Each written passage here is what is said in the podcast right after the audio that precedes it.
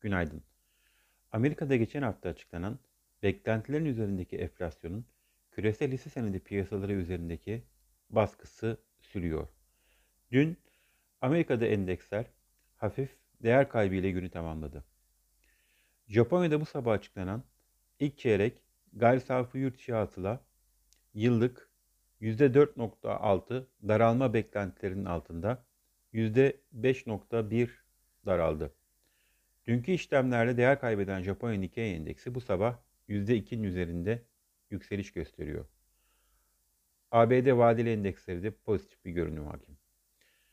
Bugün saat 12'de açıklanacak Euro bölgesi gayri safi yurt hasıla büyümesinin geçtiğimiz yılın ilk çeyreğine göre %1.8 daralması beklenirken önceki çeyrekteki daralma %4.9 olmuştu.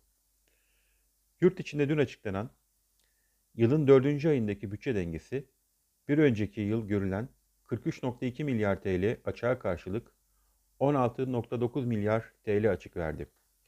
Faiz dışı denge geçen yılın aynı ayındaki 26.2 milyar TL açıktan 1.7 milyar TL fazlaya döndü. Nisan ayında 12 aylık bütçe açığı bir önceki 120.4 milyar TL'den 94.1 milyar TL'ye geriledi.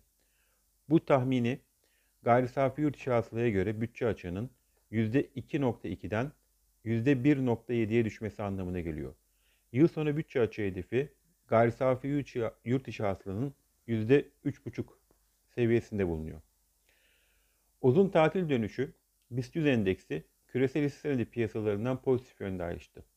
Endeks dün belirtmiş olduğumuz 1450 direnç seviyesinin üzerinde kapanış gösterdi.